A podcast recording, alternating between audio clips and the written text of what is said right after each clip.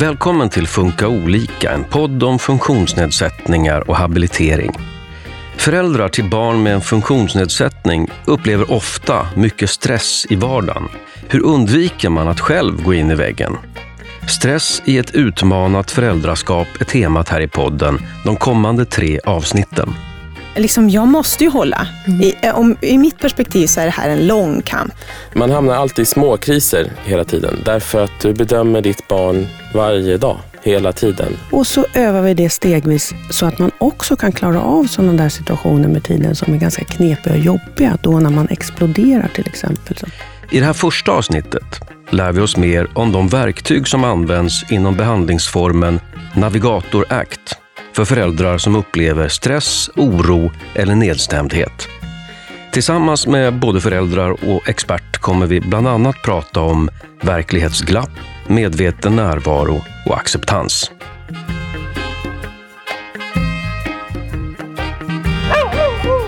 Jag som håller i den här podden heter Åsa Melin Mandre och här i studion har jag sällskap av Max Nej och Camilla Lundberg Nej, föräldrar till en son på sju år med en autismdiagnos. Välkomna! Tack. Tack så mycket. Och Bella Berg, psykolog och en av de ansvariga för gruppbehandlingen Navigator ACT. Välkommen Bella. Tack så mycket. Jag tänkte börja med dig. Kan du kort beskriva Navigator ACT? Vad är det för något? Navigator ACT är en gruppbehandling för föräldrar till barn med funktionsnedsättning eh, för att hitta ett sätt att förhålla sig till påfrestningar i livet och må bättre. Vänder det sig till föräldrar med barn med vilka funktionsnedsättningar som helst? Eller ja. specifika? Det är en eh, gruppbehandling som riktar sig till alla typer av funktionsnedsättningar och även föräldrar som har mycket svåra situationer med barn som är väldigt sjuka eller barn som blir sämre. Hur förhåller man sig till det så man orkar och, och kan leva ett liv som trots det känns meningsfullt? Kanske lite då spoiler alert och gå mm. händelserna i förväg. Mm. Men är det här en behandling som funkar? Ja, alltså vi har preliminära eh, resultat på att det fungerar. Eh, föräldrarna är, har förväntningar på att det ska funka och de är nöjda efter behandlingen. Och eh, Det visar sig också preliminära effekter på att mm, depression minskar, ångest minskar, man blir mer närvarande i sitt, i sitt liv och i sitt föräldraskap. Och man börjar förhålla sig till det och eh, acceptera situationen i högre utsträckning. Och vid uppföljning, som man gör några månader senare också, då finns det preliminära effekter på att stressen minskar, upplever man, och att inverkan av barnets funktionsnedsättning, problemen med det, också minskar. Varför finns det ett behov för den här typen av anhörigstöd eller behandling? Man har ganska länge vetat om att föräldrar till barn med funktionsnedsättning är utsatta för mycket större påfrestningar och Eh, känner stress och eh, mår dåligt i mycket högre utsträckning än andra föräldrar. Och det har liksom saknats en behandling som möter föräldrar så att de blir bättre rustade att fungera och hantera sitt, sin situation. Men det finns annan typ av stöd? Ja, det finns ju eh, också som, mm, till exempel, åtminstone i Stockholms län, så har vi ett till exempel kris och samtalsstöd som är en egen enhet när föräldrar mår dåligt som man kan söka sig till. Och sen så har vi ju insatser av stödsamtal kring eh, hur man ska hantera själva situationen med funktionsnedsättning till exempel. Hur mår de här föräldrarna som du träffar? Många mår ju faktiskt väldigt dåligt. Det syns ju inte alltid utanpå. Men eh, det är en väldig stress att hantera situationen och, och Eh, Eh, man är nedstämd och orolig och ganska många föräldrar är också vad man kallar deprimerade och det kanske man inte ens är riktigt medveten om själv alltid för att man har så vant sig vid att eh, tappa bort lite grann vad som är viktigt för en själv och hur man lever ett liv där man själv känner viss tillfredsställelse och anpassat sig till situationen med mycket det är mycket man ska hålla reda på. Man ska vara liksom både hantera barnet som är annorlunda än man hade väntat sig. Och det är mycket jobb man ska klara av och ibland så blir man också liksom ansvarig för att samordna allt, eller ofta samordna allting kring barnet med samhällsstöd och så. Det är också mycket tid och energi. Max och Camilla, känner ni igen er i det här måendet som Bella beskriver? Det tycker jag absolut eh, att jag känner igen. Jag känner igen mm, just det här eh, att eh, man fick ett barn som var annorlunda och att man måste hantera det. Att det, det, liksom, det blir ju där ett glapp mellan eh, alla ens förhoppningar som man har på det här lilla barnet eh, och vad verkligheten hur verkligheten ser ut eh, och att det påverkar ens liv i så stor omfattning att man också måste eh, begränsa sitt liv eller de ambitioner man har för att anpassa sig till det och att man också gör det lite successivt. Och, ja, ens egen värld kan minska lite. Och det kan vara ganska tufft att acceptera att jaha, så här är det och det får vara okej. Okay. En kris, skulle du använda det ordet? Ja, absolut. Max, er son eh, fick en diagnos när han var tre år. Kan du berätta lite? Det började med att Camilla tyckte att eh, han hade tappat ord, att han inte pratade längre. Och det var redan vid två års ålder. Och då gick vi till en logoped som eh, tyckte att nej men, testa lite och prata lite och så kom tillbaka om ett halvår. Då gick tiden och vid Lucia, då pratade jag med en av personalen där jag undrade, håller han fortfarande på och leker med sig själv? Liksom, eller leker med andra? Ja, nej, nej men han ligger, han ligger på sidan med ryggen mot barnen och så kör han sin lastbil fram och tillbaka. Eh, sen minns jag inte så mycket, men min mamma berättade att den dagen så ringer jag till henne på lunchen och bara gråter. För att jag, jag vet att det är någonting som inte stämmer, men jag vet inte vad.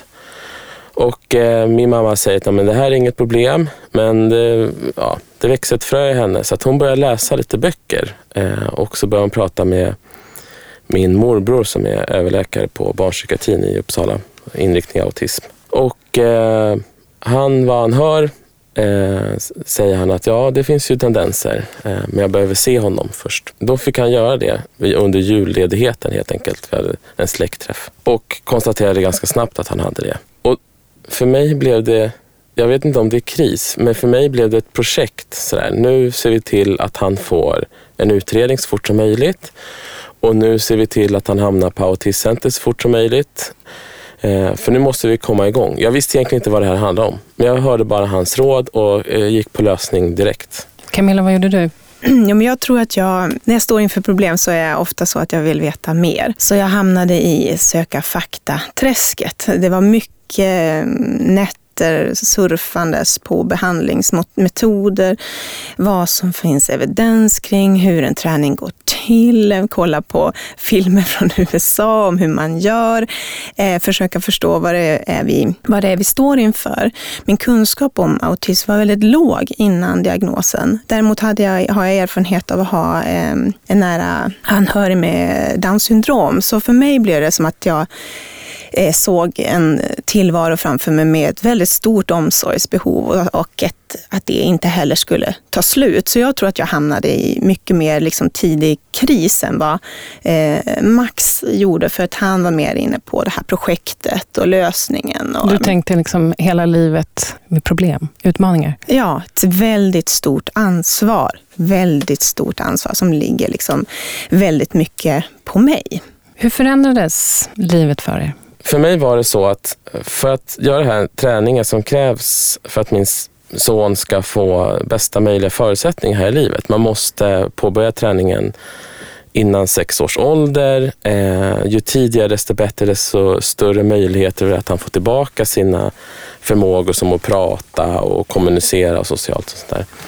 För mig var det att nu, måste, nu kan inte du jobba så mycket. Eh, nu kan inte du fokusera på jobb och karriär som du har tänkt, utan nu måste du tillbaka till familjen. Så för mig var det, ja det är klart att det var en stor belastning. Vi tränar ju, vi delar ju på en halvtid på fritiden, men för mig var det att komma tillbaka till familjen. Eh, det låter romantiskt, men det är det inte. sen var det ju liksom, det var det är tufft därför att du har ett körschema där det inte finns några marginaler. Du måste träna, du måste vara pigg och glad och motivera din, den, din son att vilja vara med på träningen. Eh, och ibland så tog vissa saker, moment, väldigt lång tid innan han kom vidare. Hur eh, klarar man av att vara, behålla sin föräldraroll i? För mig låter det som att man, ni gick in liksom i en professionell roll som en tränare eller vad man nu ska kalla det. Men samtidigt är ni ju föräldrar. Det känner jag igen mig jättemycket i. Eh, och det var nog en, nästan ännu större just innan vi hade fått eh, blivit inskrivna och fått påbörja ett program. För då var ju verkligen allt ansvar på mig. Eh, att se till att det liksom skulle hända någonting, att vi skulle komma in och få den här hjälpen, eller på oss ska jag säga. Eh, men också att om något skulle hända där och då så måste jag driva det. Och då, eh, och det så det blir liksom att man blir någon form av pedagog. Det, det är liksom när man får det här lilla knutet i sina armar så tänker man ju att det här ska jag få följa med. Jag ska liksom få följa med i barnens, barnets utveckling. Eh, det finns en naturlig vilja hos barnet att jag vill, liksom, jag vill upp och krypa på och jag vill stå och sen vill jag gå och man ska liksom bara få hänga på där som förälder var min bild. Att mm. liksom få njuta av att se ett barn utvecklas. Och när det där inte funkar, när det där liksom, det händer inte utan det krävs väldigt mycket stöd för att ta nästa steg. Så har ju från den stunden så har ju varenda matsituation hos oss ser ju ut som ett, är ju ett träningstillfälle. Det är ju prompt, liksom hela tiden att vi liksom jobbar med hur man begär saker. Vi jobbar med att försöka använda orden, ögonkontakt, allt det här som är väldigt utmanande för mm. vår son. Eh, så det kan jag sakna att bara få liksom ha en avslappnad relation mm. och bara se dem springa iväg. Ja, så tokigt det kan bli. Jag måste hela tiden ha en koll. Är det en konflikt på gång här? Eller gör eh, han sig förstådd i relation till ett annat barn? Behöver jag gå dit? Behöver jag hjälpa? Det är liksom en ständig ett påslag liksom, mm. av ansvar och någon form av eh, stress kan mm. jag tänka. Och ni valde ju att uh, gå den här gruppbehandlingen, Navigator Act. Hur hamnade ni där? Eh, var, jag gick den först eh, och det var ju parallellt med att vår son fick, att vi började förstå just att det var autism han hade. För innan trodde vi att det var en språkförsening och, då, och parallellt med det här så blir jag också gravid eh, och det blir väldigt liksom ännu mer eh, kris för liksom hur ska vi orka det här nu då? Eh, och vad ska vi göra? Är det en son? Vi vet att liksom risken för att nästa barn har autism är större om det är en pojke och det är mycket oro helt enkelt. Eh, och samtidigt så blir jag ju i den vevan också föräldraledig sen så småningom. Först blir jag sjukskriven för det är en stor så här, kris och sen så, så småningom så eh, blir jag ju föräldraledig. Och då vill jag liksom ta tillfället i akt att använda den tiden till att verkligen liksom försöka få den hjälp som erbjöds. Jag var verkligen så här, jag tar vad ni har. Hade den drivkraften trots alla påfrestningar? Absolut. Eh, liksom, jag måste ju hålla. Mm. I, eh, om, I mitt perspektiv så är det här en lång kamp. Mm. Liksom, alltså, jag måste va, finnas där för mina barn och, och, och, och, det är på lång sikt. Jag kan inte krascha. Mm. Bella, är det vanligt? Ni vänder er till de som mår väldigt dåligt. Orkar man söka hjälp? Det varierar ju naturligtvis, men den här gruppbehandlingen finns ju att tillgå om man får nys om den eh, och anmäler sig så undersöker ju vi och hjälper till så att man eh, får ta del av det. Det är bara en anmälan som krävs? Ja, man behöver också ha behov av navigatorakt, gruppbehandling och man behöver eh, känna att man känner sig liksom, behovet är för att jag mår lite dåligt, jag är lite nedstämd och orolig. Och så behöver man också vara motiverad att delta. Max, du hoppar på den här behandlingsformen lite senare än Camilla. Mm. Ja, året efter, hon rekommenderade den till mig. Mm. Och eh, ja, Jag tyckte att det verkade spännande och jag behöver hela tiden ett behov av att stressa ner och träna på att närvara och ha tålamod. Och det här var ju ett sätt att öva upp det helt enkelt. Hamnade du någon gång innan det man skulle beskriva som en kris? Så när jag, man hamnar alltid i småkriser hela tiden därför att du bedömer ditt barn varje dag, hela tiden. Jag tänker ibland att vi, vi, eh, vi ser inte allt vad vi gör för, eh, för våra barn.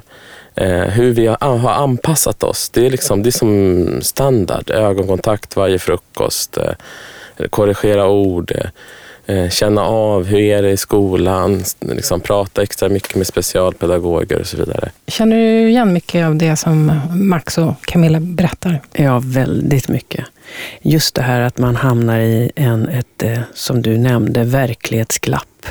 Den här förväntan om hur livet skulle vara, som är liksom på ena sidan, som man är, eh, öns, hur man önskar att det ska vara och som man tittar mot hela tiden. Och så jämför man då med vad man befinner sig i. Och då ramlar man ner i en ravin av liksom verklighetsglapp. Det är inte som jag hade föreställt mig, som jag hade tänkt mig, som jag önskar. Och där, just i det där glappet så mår man väldigt dåligt. Och så gör man allt vad man kan för att liksom få ihop det. Man grubblar och ältar. Alltså, hur skulle jag gjort på något annat sätt?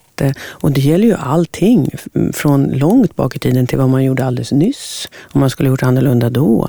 Och vad ska vi, hur kommer det gå sen? Och så oroar man sig jättemycket för vad som kommer hända hela tiden. Och sen jämför man sig med alla andra också. Alltså det är också det där med förväntan om hur livet egentligen skulle ha varit. Mm. Så att, eh, ja, jag känner verkligen igen det där. Kan man fastna i det där? Ja, det är ju det man gör. Man, blir, man är ständigt utsatt för de här påfrestningarna som man försöker lösa. Liksom med att tänka sig fram till någonting bättre, problemlösa. Och när det inte riktigt funkar alltid i alla avseenden. Därför att det finns saker och ting som man inte kan förändra just nu eh, och som man kanske inte kan förändra på sikt. Då bryter det liksom ner. Eh, så att man hamnar i vad vi kallar långvarig stress. Kortvarig stress är helt okej. Okay.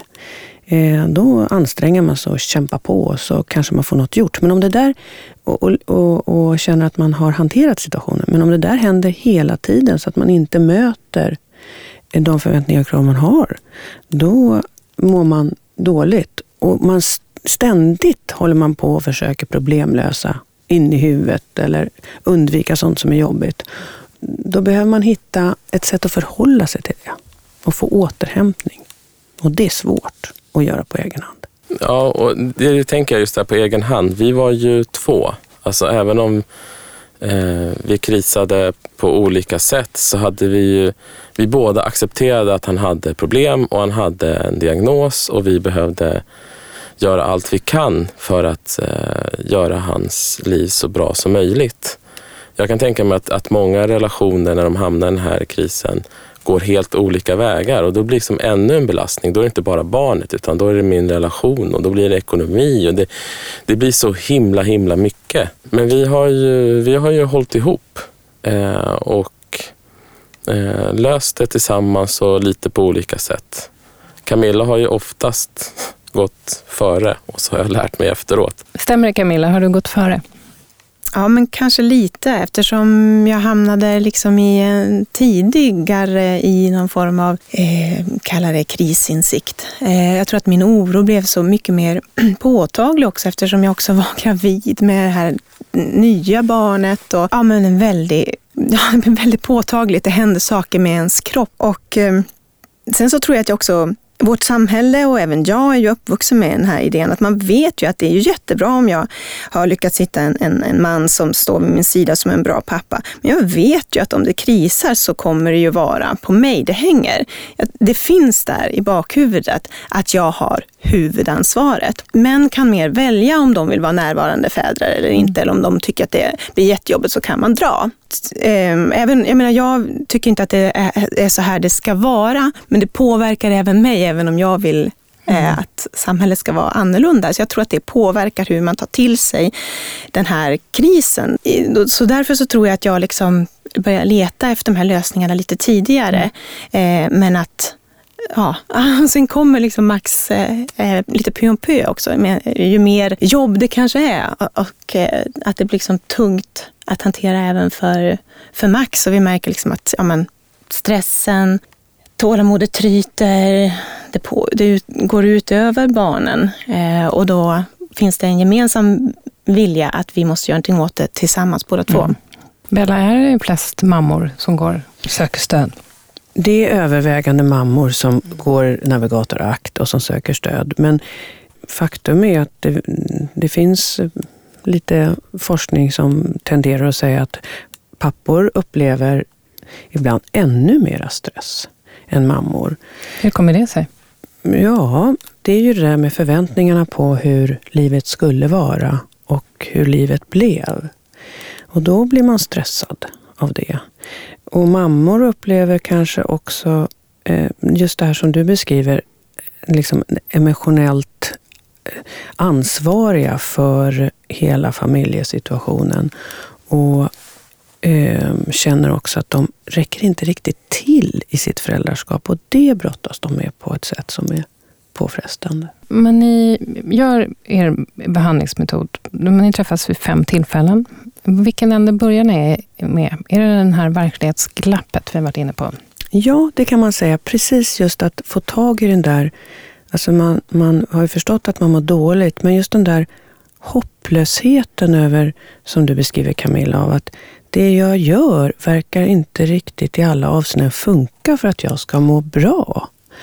Eh, så att ska, man har inga redskap. Liksom. Finns det något konkret exempel där? Det här med vad, det jag gör funkar inte. Vad kan det vara? Ja, vi gör lite övningar där man liksom, mycket av det gruppen sysslar med är att göra olika övningar för att just komma i kontakt med hur man känner och tänker. Och, och då gör vi liksom, vi berättar historier så att säga, där man lever sig in och vi gör rollspel och, och vi gör lite övningar där man liksom får komma med sina egna upplevelser, det, eh, upplevelser om hur livet ser ut eh, och beskriva det och så får man se det ur ett annat perspektiv.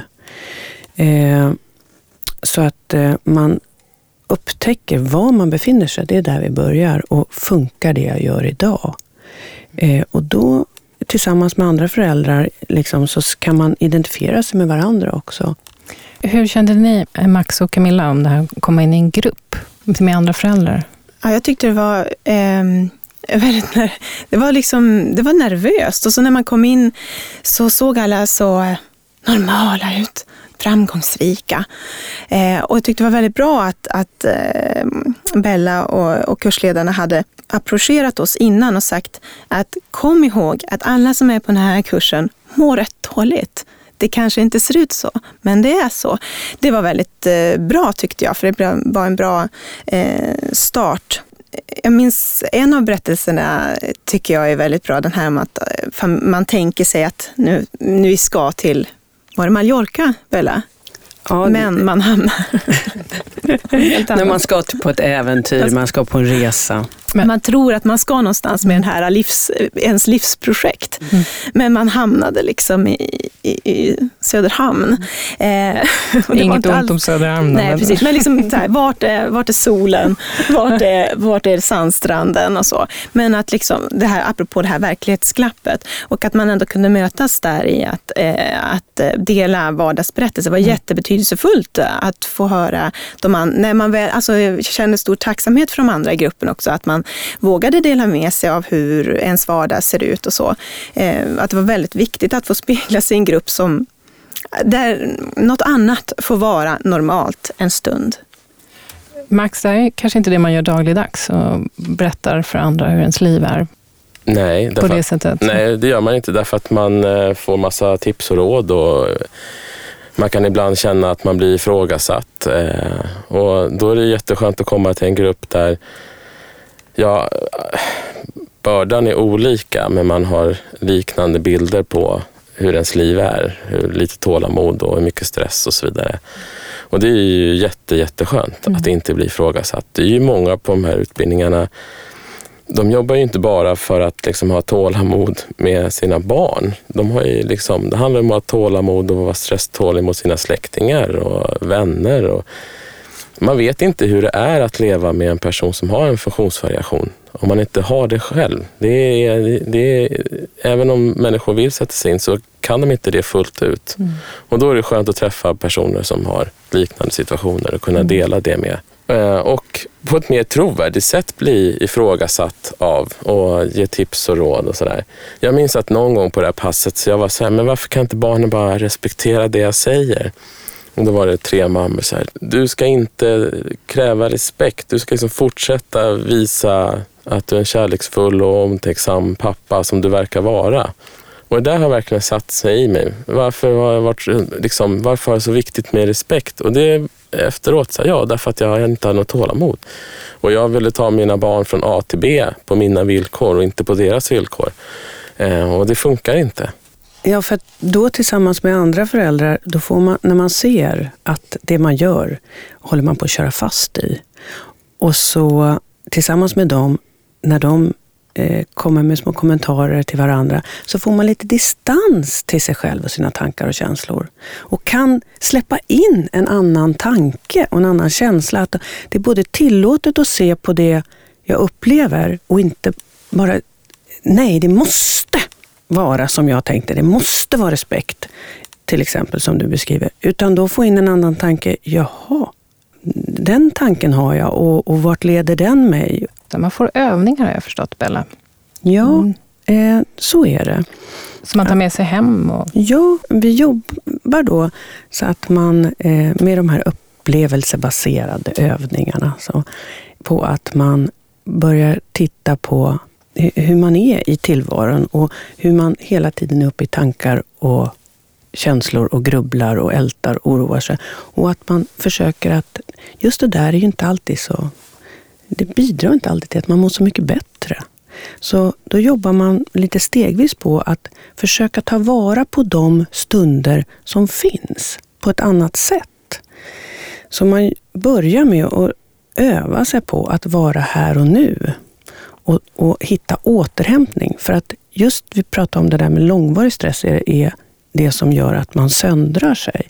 Så om man hittar lite, lite återhämtning då och då, då mår man mycket bättre. Hur hittar man den då? Ja, vi börjar med att man, man letar efter sånt som man har glömt bort eller tappat bort, att man faktiskt tycker om. Och, och som faktiskt skulle kunna ge en lite återhämtning. Och sen börjar vi också leta efter hur kan man överhuvudtaget vara lite mer närvarande i allting. Vad är, vad är det man letar efter? Man letar efter stunder av att till exempel stunder när man, man får fem minuter på kvällen med en kopp te. Tar man vara på den då? Eller sitter man och oroar sig över hur det ska bli imorgon och grubblar över vad man, hur den här nattningen var eller vad det var som har hänt eller hur det ska bli att gå och lägga sig och kunna somna. Och då tar man inte riktigt vara på den där stunden som man har. Och kan man öva sig att göra det. Och sen eh, övar vi då i att vara här och nu i många olika vardagssituationer. Så man kanske kan göra, vara mera här och nu och uppleva det som är. Är det det som är medveten närvaro? Ja, det är det som är medveten närvaro. Så man gör det i sitt liv, i vardagen. Och så övar vi det stegvis så att man också kan klara av sådana där situationer med tiden som är ganska knepiga och jobbiga. Då när man exploderar till exempel, som, som eh, ni berättade om. Man blir, eh, går igång liksom och så gör man något som man inte är så nöjd med efteråt. Och om man då hittar ett litet, litet utrymme, om man blir lite medveten om vad man går igång på, så kan man hitta ett litet, litet utrymme för att stanna upp och vara kvar i den där situationen och titta sig omkring och se, aha, vad, vad har jag framför mig här nu och hur känns det inne i kroppen? Så att man kan välja en kort liten stund, någon sekund, och välja att göra någonting som man är mera nöjd med efteråt. Har ni lyckats med det här Camilla? Alltså, inte alltid, hallå. Eh, det är livet. Men, eh, men bra verktyg att man kan påminna sig om att använda. Ja, absolut, jag tycker också att man kan eh, lämna Alltså att man har en överenskommelse. Om man är, har, eh, man är två så kan man också komma, nu måste vi bryta, jag måste ha en paus. Och så kan man lämna situationen för att få lite distans också. Och så finns det ju den här övningen som heter kasta ankar som jag tycker är väldigt bra i sådana eh, situationer. Berätta, hur går den till? Ja, den går till i att man liksom försöker att ta sig bort ifrån den här krisen som pågår i ens mentala hjärna här och eh, istället göra andra saker tydligt för att på något sätt kunna lugna ens hjärna. Och då får man liksom stampa hårt i golvet eh, med sina fötter och så får man liksom, för att liksom när, eh, bli närvarande i vart man nu är. Eh, lägga märke till, liksom, försöka hitta fem saker, tre saker, något eh, som man hör. Och kanske någonting som luktar. Hur, vad känner jag egentligen som luktar? Och i den här eh, processen när man gör de här grejerna så får man den där lilla distansen från den här att jag tror jag går upp i limningen nu. Och kanske kan lugna sig lite och bara okej, okay, vad ska jag göra nu? Och tänka det med lite lugnare röst. Jag, jag försöker använda mindfulness så eh, regelbundet. Eh, och använda... Eh, Bella beskrev en, en, en, bild av ett löv som kommer flytande och så kan man lägga sin tanke på det och, och se när det flyter iväg. Att man inte analyserar, försöker lösa någonting som eh, tar mycket kraft och energi i ens huvud. Det låter som någonting som kräver kontinuerlig träning. Ja, det kan man faktiskt säga att eh, det är lite grann att lära sig ett nytt sätt att förhålla sig till sina tankar och känslor. Och det är många saker som man gör i det där då. Man övar liksom på att vara närvarande. För det har man ju liksom inte, det inte, ingår inte riktigt i vår kultur att vara det. Vi är uppe i huvudet. Jag minns att vi fick ju hemläxa att vi skulle öva på det här med ja, mindfulness och så. Eh, och eh, man kunde till exempel försöka vara närvarande i när man duschade och försöka liksom känna hur det verkligen känns när man duschar och så vidare. Så då hade jag beslutat som en övning att jag skulle liksom ge mig själv någon sorts ansiktsmassage i duschen. Och det är så typiskt att de, när jag står där och masserar mig, så bara, ah, gud, nej, gud vad spänd jag är. Nej, inte bra. Så att jag liksom är direkt där och liksom dömer på mig själv att jag är för spänd och jag måste slappna av. Eh, och, så det är, jag tänker att det faktiskt behöver ganska, det behövs tränas på. För man, man är jättesnabb att tänka om saker man gör och värdera mm. det hela tiden. Är det fler områden ni, ni övar och diskuterar? Ja, det är ju också vi, nu har vi pratat om det här med att hitta sätt att återhämta sig och vara närvarande och, och, och öva på att vara det i allt svårare situationer. Men en väldigt viktig del är vad ska man ha när, den medvetna närvaron till? Eh, så vi övar mycket på att komma i kontakt med vad tycker jag egentligen är meningsfullt och viktigt? Och det är någonting som många föräldrar liksom man har det där glappet, men man, är, man har nästan glömt bort vad man tycker om. Så att vad man, vad man vill och vad man tycker är viktigt och meningsfullt, det behöver man göra klart för sig. Och titta på, liksom, finns det andra delar i mitt liv som jag också tycker om och tycker är viktiga? Och hur kan jag vara den människa som jag vill vara? Jag kanske, jag kommer bara, ofta kommer man i kontakt med sådana mål som är helt ouppnåbara. Att man kanske vill vara fotbollstränare för barnens fotbollslag, men så spelar inte barnet fotboll. Hur hanterar man de besvikelserna? Ja, då funderar man och, och eh, jobbar ganska mycket med att hitta, vem vill jag vara som människa? Ja, men vad står det där för? Det där målet jag satt upp. Eh, vad, vad, betyder det för mig? Jo, fotbollstränare, det betyder att jag vill vara engagerad och eh, jag vill eh, eh vara omtänksam och jag vill eh, leka kanske. Ja, finns det andra sätt att utöva det på? Som jag, där jag skulle känna att jag är den jag vill vara. Kommer man fram till att nej men, det här med fotbollstränare, det är ju för att jag tycker att fotboll är så himla roligt. Just, just lagspelet där på plan och allting. Jaha, kanske jag kan, kan jag utöva det på något annat sätt? Jag tänker också att det är så att man måste, man måste ju förhandla bort det. Man, det handlar ju om det här att inse verklighetsglappet. Därför att i en annan situation så vet jag mycket väl vad jag vill göra, gå igång på, njuter av, eh, tycker är utvecklande.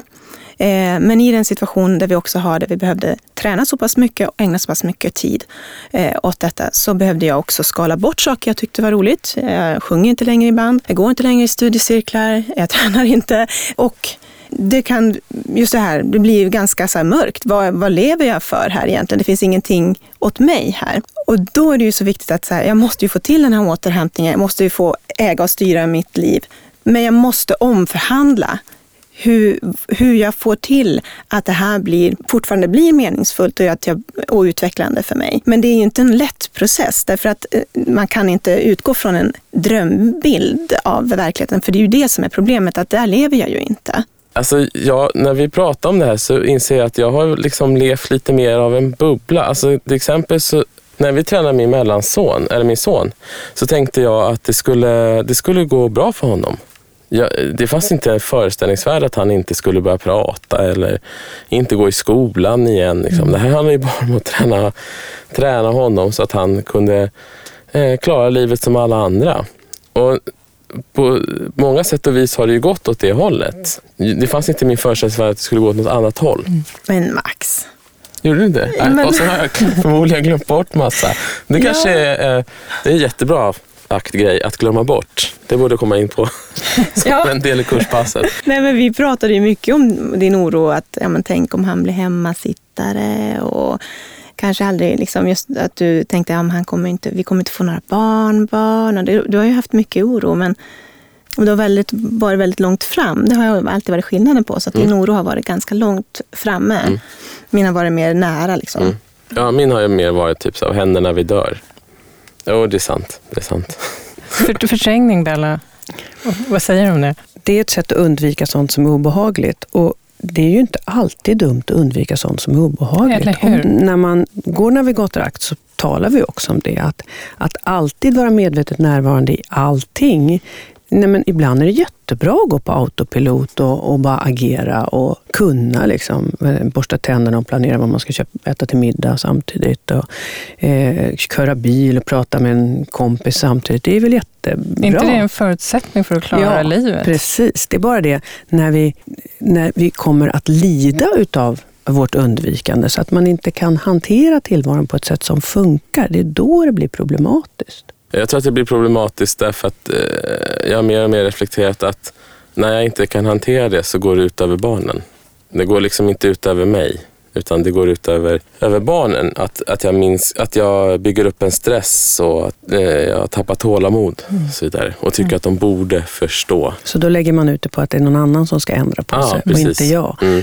Precis, och det är en del av det vi jobbar mycket med. Alltså, vad kan jag förändra och vad behöver jag acceptera och förhålla mig till på ett annat sätt för att överhuvudtaget, för att må bra och för att kunna påverka det egentligen. Och det är acceptans? Ja, så att om jag, om jag kan se hur de här barnen framför mig är och hur de gör och vara medveten om det, då ser jag också förutsättningarna och hur jag själv känner och tänker, då, får jag, då ser jag vad är det minsta lilla steg jag kan göra i den här situationen utifrån vad jag tycker är viktigt att, att göra och engagera mig. Hörrni, jag tänkte vi skulle avrunda med att um, dra lite de här övningarna blir man ju nyfiken på när man inte har gått den här, den här behandlingen. Vad är det för typ av övningar och vad, vad, vad har man nytta av? Max, om jag börjar med dig. Eh, för mig var det en introduktion mycket till mindfulness. Eh, att eh, öva en medveten närvaro där jag är. Eh, att, inte, att, att acceptera att tankar kommer och går. Eh, men de behöver inte lösas och de behöver inte lösas nu. Det var väldigt avgörande för ökad livskvalitet just, just mindfulness skulle jag säga, om man skulle lyfta en viktig sak. Camilla? Ja, men jag håller ju med absolut mindfulness. Konkreta övningar så eh, är ju min navigator en väldigt bra grej. Att just, eh, jag använder den för att också så här, se över en vecka. Alltså för mig så blev eh, att man, man, man tittar helt enkelt på sitt liv i olika kategorier. Liksom, hälsa och, berätta, hur går det till? Eh, men, jag har utvecklat liksom fler kategorier i det, men eh, liksom att eh, det handlar om ens eh, hälsa till exempel, men också ens relationer, föräldraskapet kanske, äktenskapet, andra vänskapsrelationer, eh, jobbet, karriären eller ens kunskap och att man vill utveckla. Och så kanske något annat man har, liksom, om eh, bidra till samhället eller så. Och att jag kan liksom försöka fånga in vad är det jag gör på det här, de här områdena för att jag bedömer att de här, det här tycker jag ska ingå för att jag ska känna att mitt liv eh, är meningsfullt och jag agerar enligt mina värderingar. Och då kanske jag får justera det där. Att jag tränade supermycket förut men den här, nu fick jag in en en kort promenad i en skogsmiljö i alla fall. Ah, jag har checkat två boxar, liksom, både natur och motion.